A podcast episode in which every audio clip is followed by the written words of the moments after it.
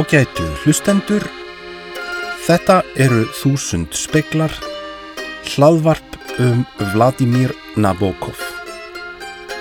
Sjöundi þáttur, Elsku Margot.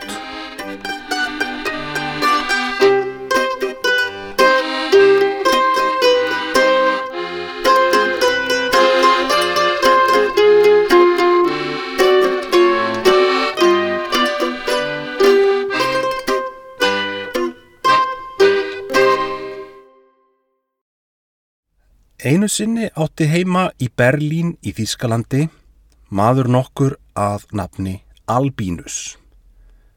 Hann var ríkur, mikil smetinn, hamingjusamur.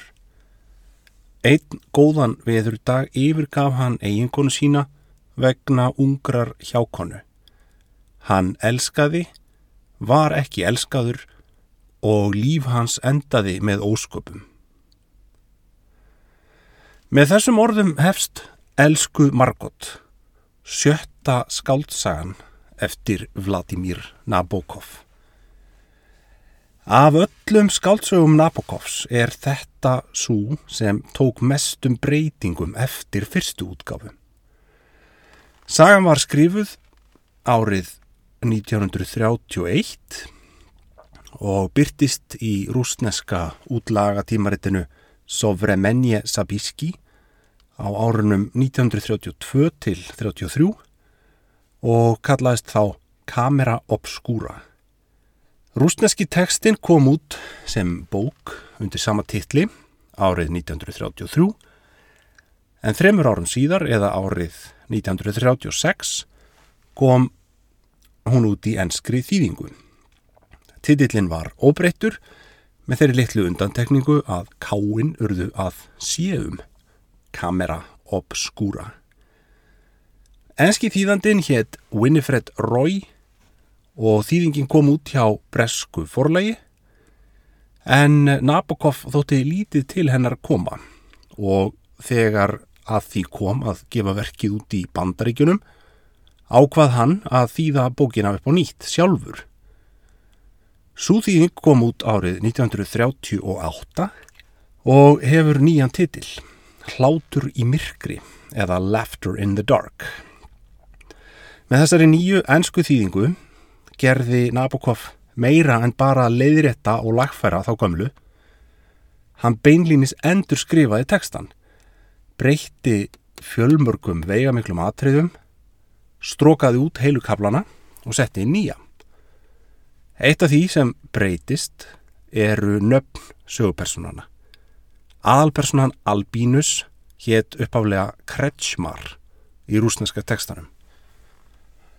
Og Margot, stúlkan sem hann verður heldtekin af, hétt uppáflega Magda.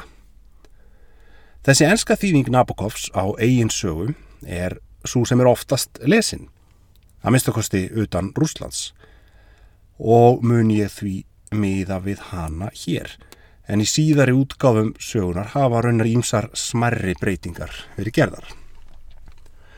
Þetta er fyrsta skáltsagan Apokovs sem var þýtt á íslensku en hún kom út árið 1970 á vegum prentsmiðju Jóns Helgasonar í Reykjavík í þýðingu Álfheiðar Kjartansdóttur. Titill íslensku þýðingarnar er Elsku Margot. Ólafur Jónsson, bókmentagagrinandi Vísis, lísti bókinni svo. Á einu sviði sínu er sagan spennandi frásaga, ástar og afbrota, kemur lesanda sínum stöðugt á óvart að hætti góðra kvikmynda af þessu tægi. Að öðrum hætti er hún átakanlega meinleg og kaltæðin siðferðisleg dæmisaga um skil, dröms og veruleika, lífs og listar, banvæna snertingu tveggja tilveruháta. En einmitt það sínir styrk sögunar hver eðlilegt virðist skrefið yfir þessi skilsmörk og hver ógerlegt það er að snúa heim aftur úr hinnum litríka draumheimi úr því þangaður komið. Árni Bergman var á svipuðum slóðum í þjóðviljanum og stakk líka upp á því að lesa söguna sem dæmisögu. Hann segir í umfjöldun sinni um bókina Það er kannski ekki rétt að bera þessa sálfræðilegu hrollveikju saman við Dostojevski en auðvita má lesa í þessa bók áhrif frá hans arleifð. Þessa mistara sem kunni svo vel að skapa personur sem áttu sér eina ástríðu, eina hugsun. Og kannski er þessi skemmtisaga líka kristileg dæmisaga um syndina sem er rækilegast tengd holdsins físt. Um þann litla fingur sem maður réttir andskotanum og er horfin í steikaropn hans fyrir en varir. Upphafsorð bókarinnar sem ég las hér áðan hljóma nánast eins og fabúla eða ævintýri. Sögþráðurinn er tekinn saman í örstutu máli með mjög almennu orðalagi og það er ekki löstuð að maður skinni að Nabokov sé með þessu að viðurkenna að hann er með kunnulegt efni í höndunum, hálgerða þjóðsögu. Elsku Margot er spennusaga um ástar þrýhyrning þar sem tveir karlmenn hrífast af sömu konunni. Konan og yngri karlmaðurinn bindast fastmælum um að koma eldri karlmanninum fyrir kattarnef. Allt í því skyni að koma höndum yfir auða við hans. Þau ykkar sem hlíti á þáttinn um bókina Kongur drottning Gósi sem var önnur skáltsagan sem Nabokov sendi frá sér kannist auðvitað við formúluna. En galdurinn er í smá á treyðunum og það er í raun mjög lýsandi fyrir Nabokov sem höfund að gera fleiri en eina tilraun með sama efni við eða spinna tvær ólíkar útgáfur af sömu grunn hugmyndinni. Elsku Margot er raunar oft tekinn sem fyrsta allaga Nabokovs að því efni sem hann vinnur áfram með í Lólítu tveimur áratugum síðar. Báðarsögurnar fjalla um miðaldra Karlmann sem hrýfst af og á í kynferðissambandi við unglingsstúlku. En úrvinnslan er mjög mismunandi. Hér má bæta við þeirri aðtöðasemt sögumansins sem kemur í beinu framhaldi af fyrstu klausunni í Elsku Margot. Þetta er aðal intak sögunar og við hefðum geta látið þá gott heita ef ekki hefði verið fyrir ávinning og ánæju af því að segja söguna og þótt á leggsteini, böndnum í mosa, sé nóg rúm fyrir samþjappaða æfisögum manns, þá eru smáatriðin æfinlega vel þegin. Elsku Margot fjallar um Albert Albinus, listfræðing og gaggrínanda sem er virtur á sínu sviði og býr í Berlín á samt Elisabetu, eiginkonu sinni, og Irmu, enga dóttur þeirra. Sagan hefst á því að Albínus fær þá stórsnjöldlu hugmynd að framlega kveikmynda útgáfu af einhverju frægu málverki. Fyrsti rammin í kvikmyndinni væri þá nákvæm endursköpun á þessu málverki. Síðan myndu personutur á myndinni reyfa sig, ganga um sviðið, skiptast á orðum, fremja einhverjar aðtapnir og síðan myndi kvikmyndin enda á því að allir færu aftur á sinn upphaflega stað og frásagninni er þannig lokað með sama hætti og hún byrjaði með eftirlíkingu af sama málverkinu. Þetta mætti vera málverk af sveitalífi, mynd af fólki á krá, landslagsmynd, hugsalega eftir einhvern af hollensku meisturnum. Albínus verður svo upprifin af hugmyndinni að hann bókar fundi með nokkrum áhrifamöklum mönnum í kvikmyndageiranum og reynir að sannfæra þá um að hefja samstarf með sér. En viðbröðin eru döfleg, menn sjá þetta sem kostnaðasamt ævintýri og afar áhættu sama fjárfestingu. Eitt þeirra sem Albínus ræðir við er maður að nafni Axel Rex, myndskreitir og skopmyndateknari sem býður fram aðstóð sína, en tekur þó fram að það sé óraunhæft að reyna að sannfæra fjárfesta í Hollywood um að fjármagna verkefnið. Mun betra væri að Albínus sjálfur tækja að sér að fjármagna og framleiða myndina. Hann er jú ágætlega efnaður og ætti hæglega að ráða við verkið ef umfanginu verður stilt í hóf. Þetta tilbóð frá Axel Rex berst til Albínusar með brefi nokkrum vikum eftir þeirra fyrsta samtal en Albínus er þá orðin áhólus um málið og hugmyndin rennur út í sandin án þess að nokkuð sé gert. Albínus er raunar sterk efnaður líkt og Rex bendir á. Auður hans grundvallast á arfi en hann erði miklar eignir eftir föðu sinn og býr í stóru einbílishúsi. Hann er þannig hálgerður ferðamaður í eigin lífi. Hann hefur aldrei þurft að sanna sig eða slá í gegn. Heldur hefur hann fengið flest upp í hendurnar. Ástinni, raunverulegri ást, hefur hann aldrei kynst. Hann er hálf volkur gagvart Elisabetu, eiginkonu sinni og hjónabandið verðist tilkomið af hálgerðri tilviljun. Eftir að þau hjónin eignast dóttur er eins og nistinn slokni alveg ef hann hafið þá nokkur sinni verið þarna og í ofanálag lætur Albínus ímislegt í fari konu sinnar fari taugatar á sér. Finnst hún allt of utan við sig eða áhugaðlaus um allt það sem hann er að sísla. Það er því eins og hjónabandið hangi saman á vananum. Pól, bróðir Elisabetar, er tíður gestur á heimilið þeirra og hann er duglegur að gefa albínusi góð en oftast óumbeðin ráð um hvað eina tengt vinnu og áhagamálum. Dan okkur á albínus bókaðan fundum viðskiptatengt málefni En klukkan hans er vittlaus og hann mæti klukkutíma of snemma á kaffihúsið þar sem hann hafði ætlað að hitta viðmælanda sinn. Til að drepa tíman ákveður hann að setjast inn í bíosal í kveikmyndahúsi í nágruninu. Hann situr þar í myrkrinu og verður var við stúlkuna sem vinnur sem sætavísa í kveikmyndahúsinu. Hún gengur um með vasaljós, leiðir fólk inn í rökkvaðan salin og vísar því til sætis. Albínus verður gjörsamlega heldtekinn af þessari stúlku og næstu dagana tekur hann að vennja komur sínar í bíóið til þess eins að geta setið í myrkrinu og virt hana fyrir sér. Stúlkan sem umræðir er Margot, 17 ára blómarós sem hefur alist upp í fátækt við mikið harðræði móður sinnar en foreldrar Margotar starfa sem húsverðir í fjölbílishúsi.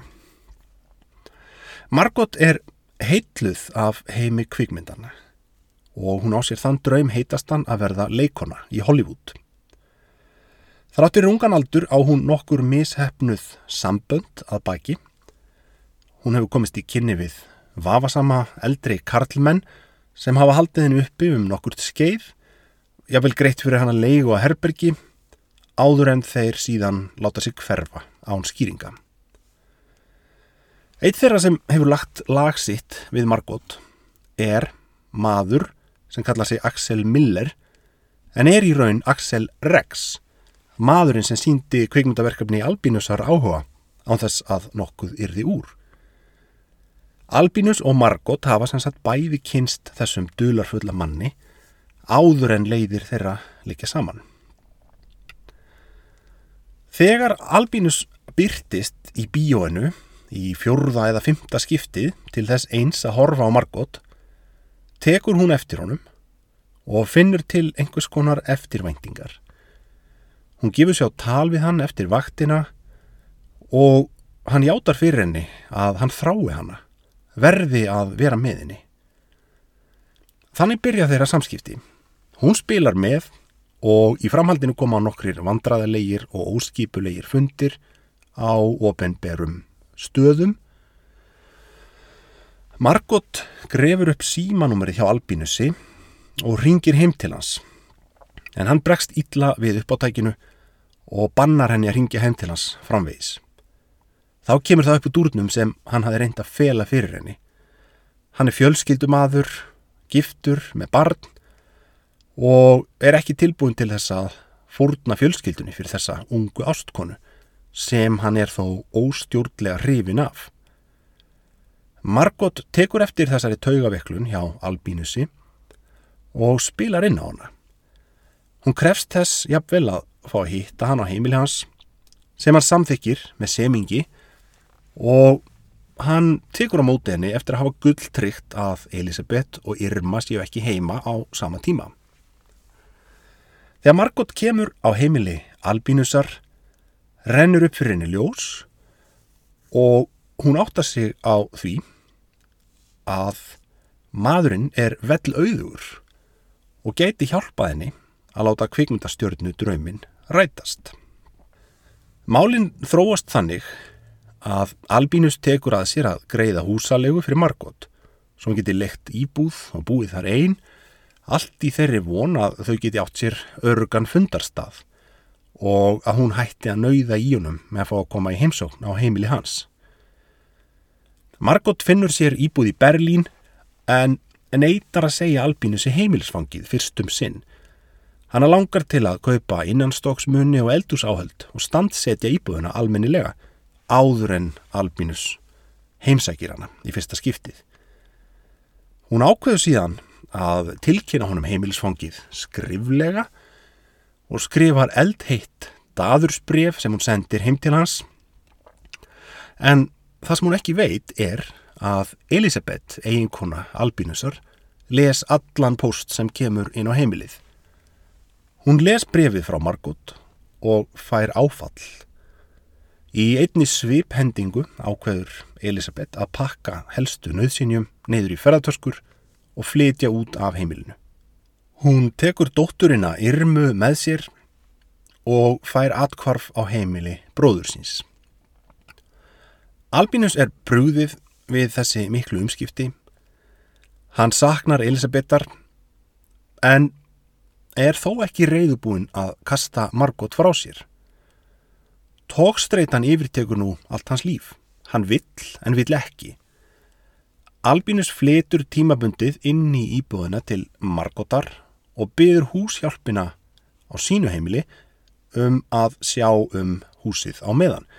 Með þeim fyrirmælum að hún skuli segja öllum sem spyrji eftir honum eða Elisabeth að þau hafi farið til útlanda í frí. Þessi vekkferð Albínusar vekur mikla undrun og andóf. Pól, bróðir Elisabethar, lætur hann heyra það og segir að Elisabeth sé í svo miklu áfalli eftir vistaskiptin að það sé kraftaverk ef hún lifið þetta af. Albínus hefur fórnað öllu sínu fyrra lífi fyrir ástina til Margotar og til þess að fá eitthvað fyrir sinn snúð velur hann að bjóða hann í ferðalag í ónemdan bæ við Adriahafið þar sem þau geta verið í friði gengjum gödurnar á þess að nokkur veiti því eftirtækt og noti lífsins í solbaði á ströndinni. Leikjum þeirra á ströndinni er líst með eftirfærandi hætti í 13. kabla. Taki eftir því hversu mikil áhersla er lögð á sjón og áhorf. Nú sá Albínus líka með hennar bera við fjörlegt strandlífið, en það sá hann sjálfnast því að augu hans kvíldu nær látlust á Margot. Grannvaksinn, sólbrún með dögt hárið og annan handlegin útréttan eftir kastið var hún eins og listilega gerð skreitimynd í upphafi fyrsta kaplans í hinnu nýja lífi hans. Hún gekk til hans þar sem hann lá endilangur með handklæði yfir rauðum brendum herðunum og horfið á fætur hennar reyfast. Hún lauti yfir hann flissaði á Berlínar vísu og slóð þjættingsfast aftan á vel úttróðuna sundskíluna hans. Vatnið er blöytt, hrópaði hún og ljóp út í öldurnar. Hún gekk áfram og vaggaði sér í mjöðmum og sveiplaði báðum handlikjum. Svo datt hún á hrammana, reyndi að synda, söip kveljur, bröldi á fætur og helt áfram í löðri upp að mitti. Hann sendist úti á eftir henni. Hún snýri sér að honum, hló og frussaði, þurkaði blöytt hárið úr augunum. Hann þóttist alltaf kaffæra hana, greip síðan um öklan á henni og hún sparkaði og gólaði. Ensk kona sem let fara vel um sig í legustól undir rauðbláu sóltjaldi og las Punch snýri sér að eiginmanni sínum, rjóðum náunga með kvítan hatt sem satt í sandinum og sagði Sjáðu þennan þjóðverja þarna að gantast við dóttur sína. Verð ekki svona latur, William. Farðu með krakkana úti að synda. A fine romance with no kisses. A fine romance, my friend. This is, we should be like a couple of hot tomatoes. But you're as cold as yesterday's mashed potatoes. A fine romance nestle. A fine romance you won't wrestle. I've never mussed the crease in your blue serge pants. I never had the chance. This is a fine romance. A fine romance, my good fellow.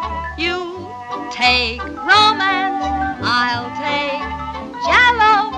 You're calmer than the seals in the Arctic Ocean. At least they flap their fins to express emotion. A fine romance with no quarrels, with no insults, and all the morals. You're just as hard to land as the Ile de France. Fine romance.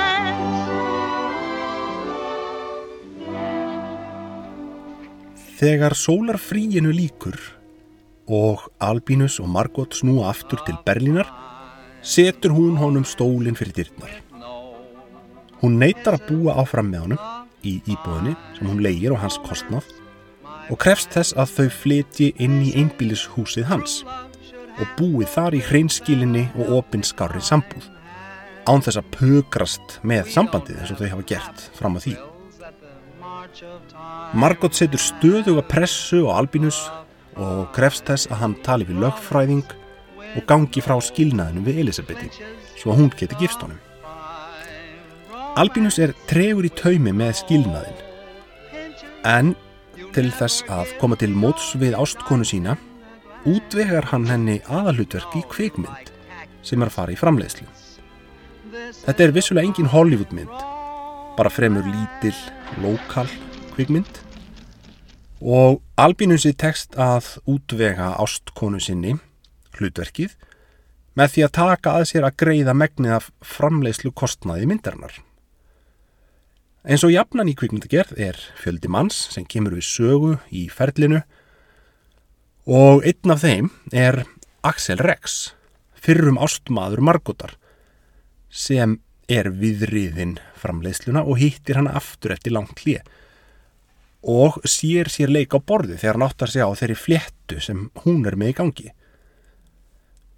Axel Rex er sjálfur reyndur fjárglæfra maður og forfallin spilafíkil, þótt umsvið hans séu lítil, en með því að endur nýja heit sín við Margot eigir hann tækifæri til þess að kristna myndarlegar fjárhæðir út úr albínusi, þessum lánlausa einfeldningi sem lætur stúlkuna etja sér á hvert forarðið á fætur öðru. Axel Rex gerist handgengin albínusi í tengslum við kvikmyndaframleiðsluna, mætir í veislur á heimili hans og hvetur hann til dáða. Um sama leiti og þetta kvikmynda ævintýri fer af stað, berast slæmarfrettir. Pól, bróðir Elisabethar, kemur á heimili albínusar og tilkynir honum að Irma, dóttir þeirra, sé lífshættulega veik og hann verði að koma og vera hjá henni. Albínus veit að það er hér rétta í stöðunni að vera hjá dóttur sinni í veikindum hennar og einstinni veit hann að ef hann fer til Elisabetar og verður með henni mun það marka upphafið á afturkvarfi hans til síns fyrra lífs. Margot sér í hvað stefnir og bannar Albínusi að fara. Segir honum að þetta sé tómur uppspunni, dóttir hans sé ekkit veik. Pól og Elisabeth séu bara að reyna að ná honum tilbaka frá henni. Albínus lætur þetta yfir sig ganga og er því fjárverandi þegar dóttir hans deyr úr lungnabolgu skömmu síðar. Hann þorir ekki sinna að mæta í jarðaföruna. Hann vogar sér ekki að horfast í augu við Elisabetu. Kvikmyndin hennar Margotar er frumsýnd örfáum vikum eftir jarðaföruna en þegar Margot sér sjálfa sig á kvítatjaldinu finnst henni ekki sem hún þekki sjálfa sig. Í ljós kemur að Margot er sneitt öllu því sem kalla má leikhæfileika og hún gerir sjálfa sig að algjöru fýbli með framistöðu sinni í kvikmyndinni. Þetta reynist henni þungbært og hún grætur sáran að frumsýningunni lokinni.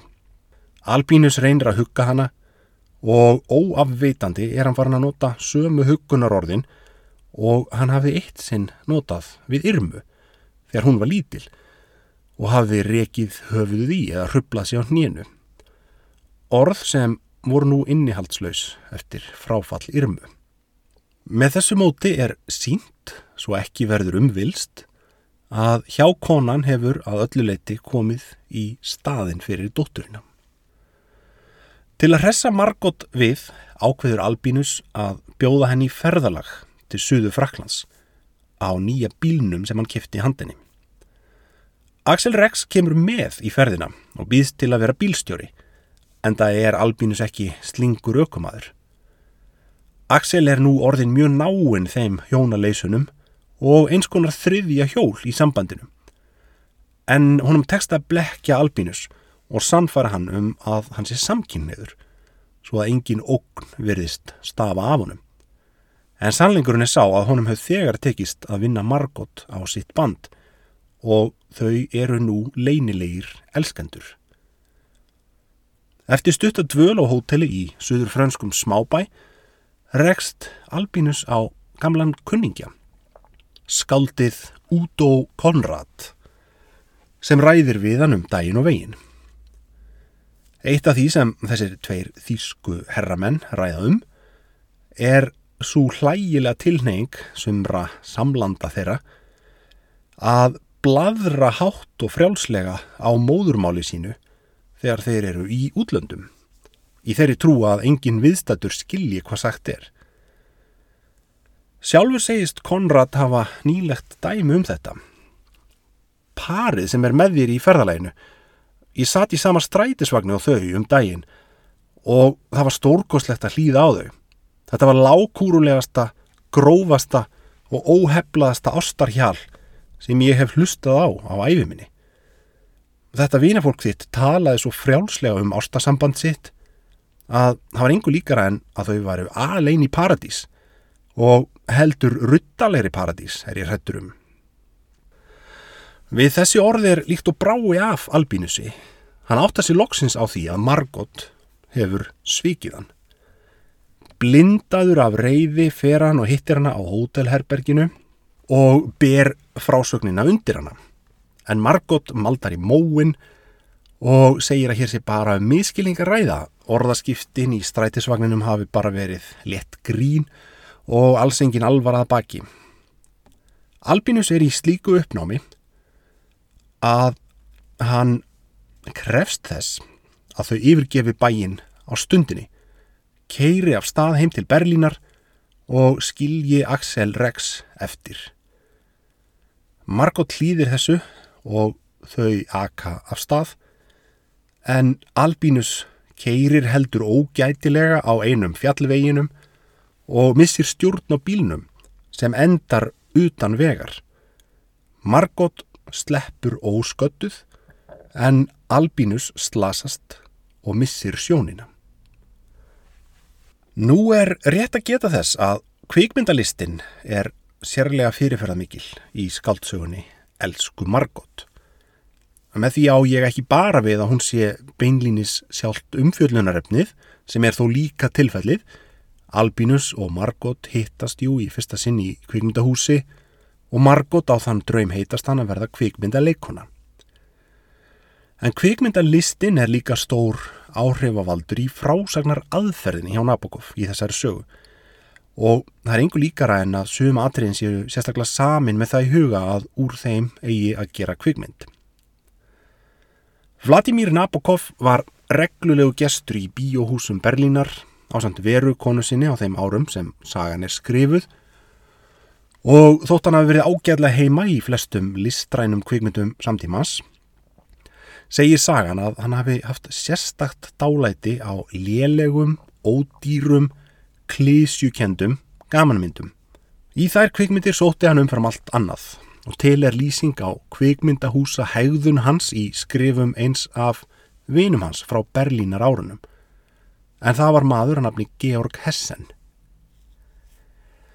Hessen starfaði um tíma sem kvikmyndagagrínandi hjá rúsnesku blöðunum í Berlín, var með frímiða í bíó og átti það til að bjóða Nabokov að koma með sér.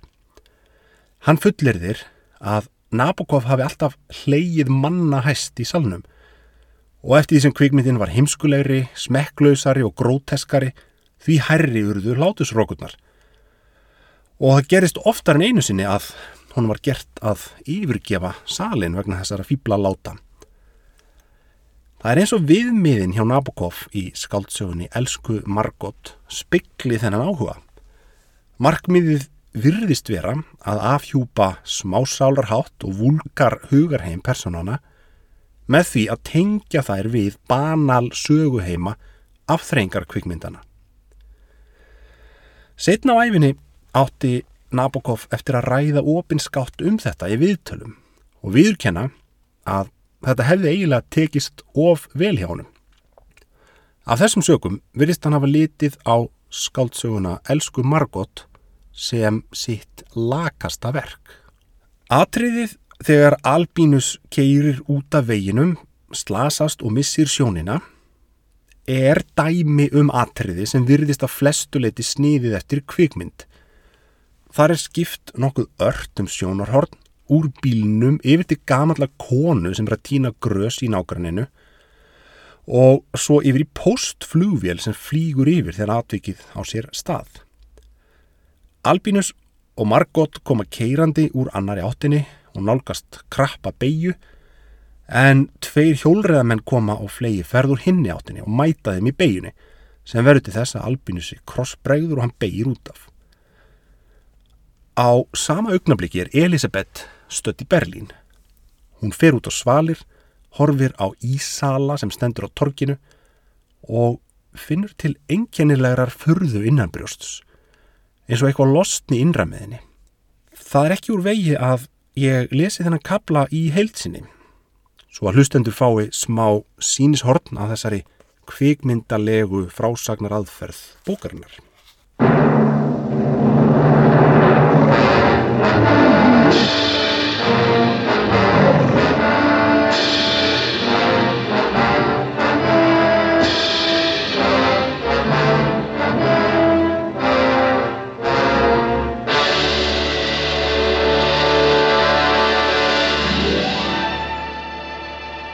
Hann ræsti vélina og þau óku af stað. Nú fannst honum sem bílinn væri auðveldari viðfangs og leti betur að stjórn og hann helt ekki lengur dauðahald um stýrið. Begjurnar urðu ætíðari. Á aðra hlið var brattur bergvekkurinn, á hina djúft gílið.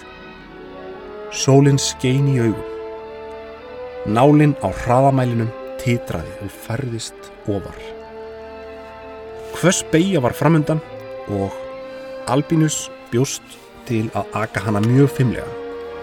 Hátt yfir veginum var gömul kona að týna grös og hún sá að ofan hvernig litli blái bílinn nálgæðist beigjuna með miklum hraða en handan við bugðuna þöndu tveir hjólreðamenn faratæki sín, hölluðst fram á stýrin og heldu á óvænt stefnum út.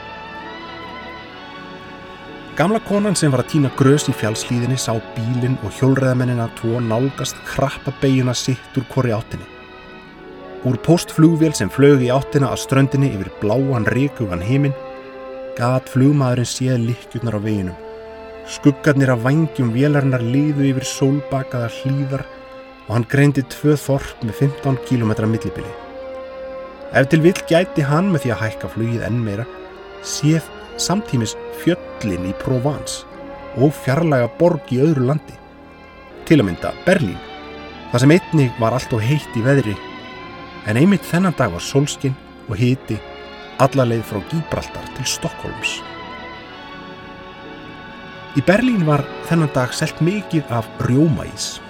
Irma hafði stundum hort á það með miklum alvur svip þegar ísalinn fylti þund ísformið með hvít gullri kvóðunni sem var svo góð á bræðið að tungan dansaði í munnum hans og maður fekk dásamlegan kul í framtennunar. Og þegar Elisabeth stegi út á svalinnar og tók eftir einum af þessum ísölum þá fannst henni enginlegt að hann skildi vera kvítklættur frá kvirli til Ilja en hún var svartklætt. Hún hafði vaknað mjög yrðarlaus og nú fann hún sér til kynlegar furðu að hún hafði í fyrsta sinn losnað úr þessum styrnaða sljóleika sem hún hafði vanist að undanförnu. Og hún gati ekki skilið hvað undarlega illa henni leið. Hún dokaði við út á svölunum og hugsaði um daginn áður þegar ekkit sérstætt hafi gerst. Vanalega ferðin í kirkjugarðin, bíflugur á blómunum hennar, rakur gljáin á látúns lekkjunum umhverjus gröfina, kyrðin og mjúk moldin. Hvað getur þetta verið, hugsaði hún, af hverju er ég öll í uppnámi? Á svölunum sá hún ísalan með hvítu húfuna. Það var eins og svalirna risu herra og herra. Sólinn speiklaðist í múrsteinunum, í Berlín, í Brussel, í París og enn sunnar. Postflugvilin var á leið til St. Cassian. Gamla konan var að týna jurtir í grítir í fjallsliðinni. Í heilt ár að minnstakosti myndi hún halda áfram að segja fólki hvernig hún hafi séð, hvað hún hafi séð.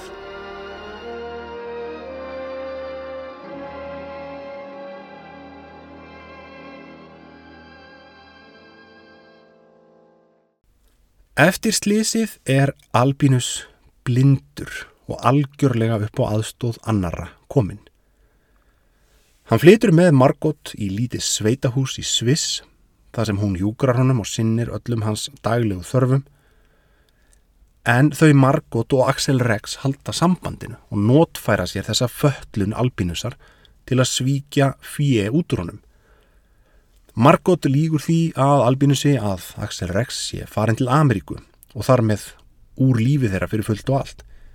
En sannleikurinn er sá að hann er þarna með þeim áfram, býr með þeim í húsinu, gengur um golf og aðtapnar sig alveg hljóðlust án þess að gefa frá sér hósta eða stunu. En stöku sinnum gerist það að hann flissar að Albinusi þar sem hann svamlar um umkomu laus í sínum myrkra heimi.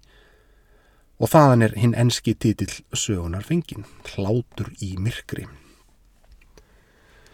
Albinusi finnst hann heyra fliss, þrusk, fótatak, en Margot sannfarir hann um það í hvert skipti að þetta hafi ekki verið neitt, hljóð sem komi að utan eða tóm ímyndun. Margot lætur Albinus skrifa undir ávísanir sem þau Axel senda síðan til bankans í Berlín, þar sem allt spari fyrir Albinusar er geimt og með þessu móti tekst þeim að tryggja stöðugar peningasendingar til sín í Sviss án þess að Albinus fái nokkurt veður af því sem þau eru að gera. En grunnsemdir vakna í Berlín. Pól, máur Albinusar, lesum bílsleysið í blöðunum og hefur samband við bankan til að fá heimilisfang Albinusar í Sviss. Bankastjórin sem er gammal viðskiptafélagi hans sínir honum tjekkana sem þanga berast með jöfnum millibili Undirskrift Albínusar verist ósvikin en peningaupphæðin er greinilega skrifuð með annari ritönd. Pól fer sjálfur í ferðalati Sviss, finnur húsið þar sem Albínus býr og kemur í óvænta hinsókn. Margot er ekki heima, bara Albínus og svo Axel Rex sem situr nakin út á svölum en lætur sig hverfa þegar Pól mætir á svæðið. Albínus áttar sig á því hvernig allt er í pottin búið.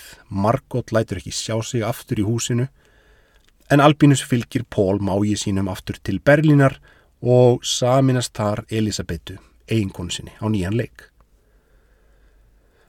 Loka uppgjörið er þó eftir að óskilgreindum tíma liðnum fær Albinus símtal frá húsverðinum í húsinu með gömlu íbúðinni sem hann leiði fyrir Margot Margot er komin þanga til að sækja eigur sínar. Albínus brunar á staðin með leigubíl og hefur með sér hlaðna skambissu.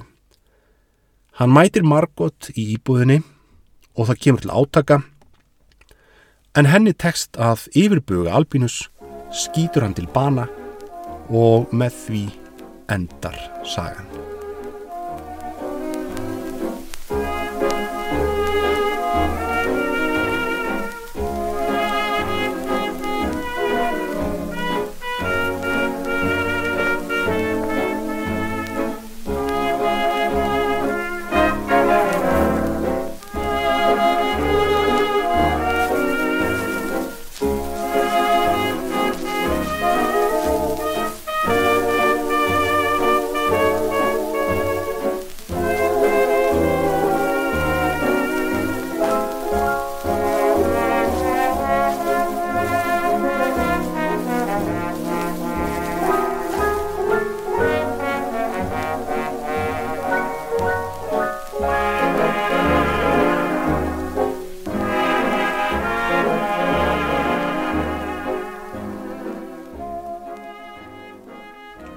Þetta var sjöundi þáttur og hér hefur verið fjallað um Elsku Margot, sjöttu skaldsögu Vladimirs Nabokov. Í næsta þætti verður fjallað um þá sjöundu, örvæntingu sem útkom árið 1934. Get thee behind me. I want to resist, but the moon is low and I can't say no. Get thee behind me. Get thee behind me, Satan. I mustn't be kissed, but the moon is low and I may let go. Get thee behind me. Someone I'm